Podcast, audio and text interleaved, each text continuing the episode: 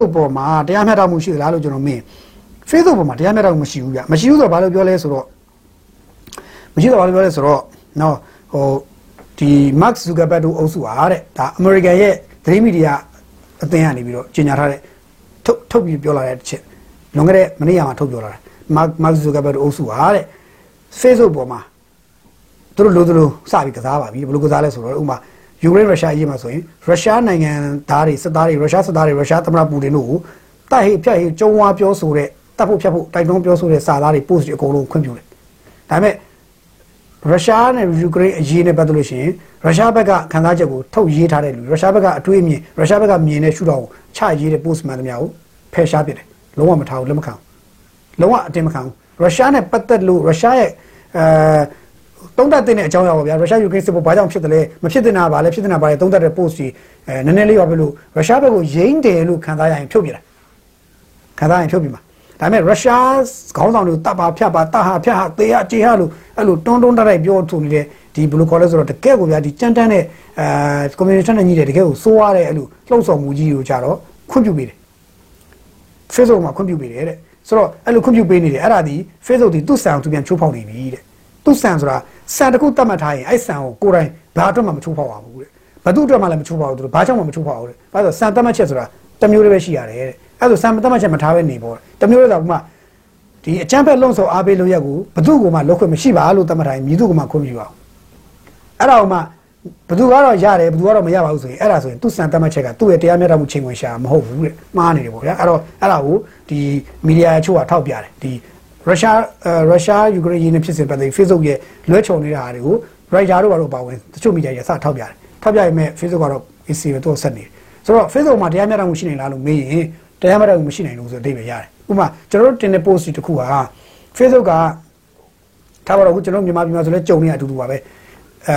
ကျွန်တော်တို့တာမန်ဒီလိုအကောင့်တွေပိုင်ရှင်တွေထင်ရှားကြွကြတဲ့အကောင့်တွေရှိမယ်အဲလူတို့တွေကနေပြီးတော့ဒီအဲလူတွေချင်းချင်းဒီ အတိတ်သမိုင်းမှာဖြစ်ခဲ့တဲ့အမှားယွင်းတွေလွဲချော်နေတာတွေဖြစ်ခဲ့တာတွေကဒါပေါ်တော့တိုက်ခံဖွဲ့စည်းတွေပေါ့တော်လိုင်းသမားတွေဖွဲ့စည်းတွေရဲ့အမှားယွင်းတွေကိုထောက်ပြပြီးတော့ဒါမျိုးတွေနောက်တော့မဖြစ်စေဖို့တုံးသက်ပြောဆိုရေးသားတဲ့ကိစ္စတွေအဲတုံးသက်ပြောဆိုရေးသားတဲ့ကိစ္စတွေမှာစကလုံးအတုံးနှုံးတွေကိုအတတ်နိုင်သမျှ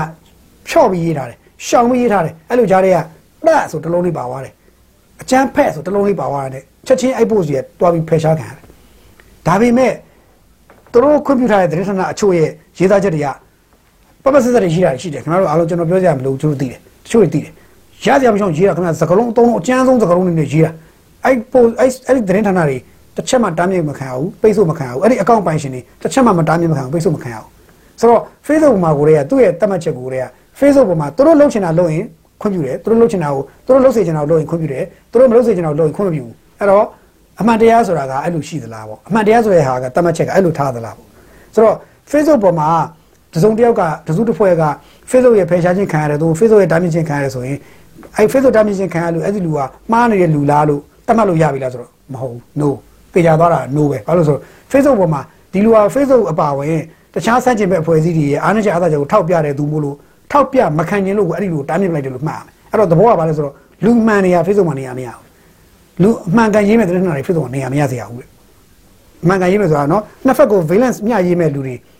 မရအောင်နေရမရစေရဘူးမူကိုကင်ထားတယ်နှစ်ဖက် valence မျှရေးမဲ့လူတွေနေရမရစေရဘူးငါတို့ရေးစေချင်တာငါတို့ဖော်ပြစေချင်တာဖော်ပြကျန်တာဖော်ပြရင်မင်းတို့အကုန်လုံးတိုး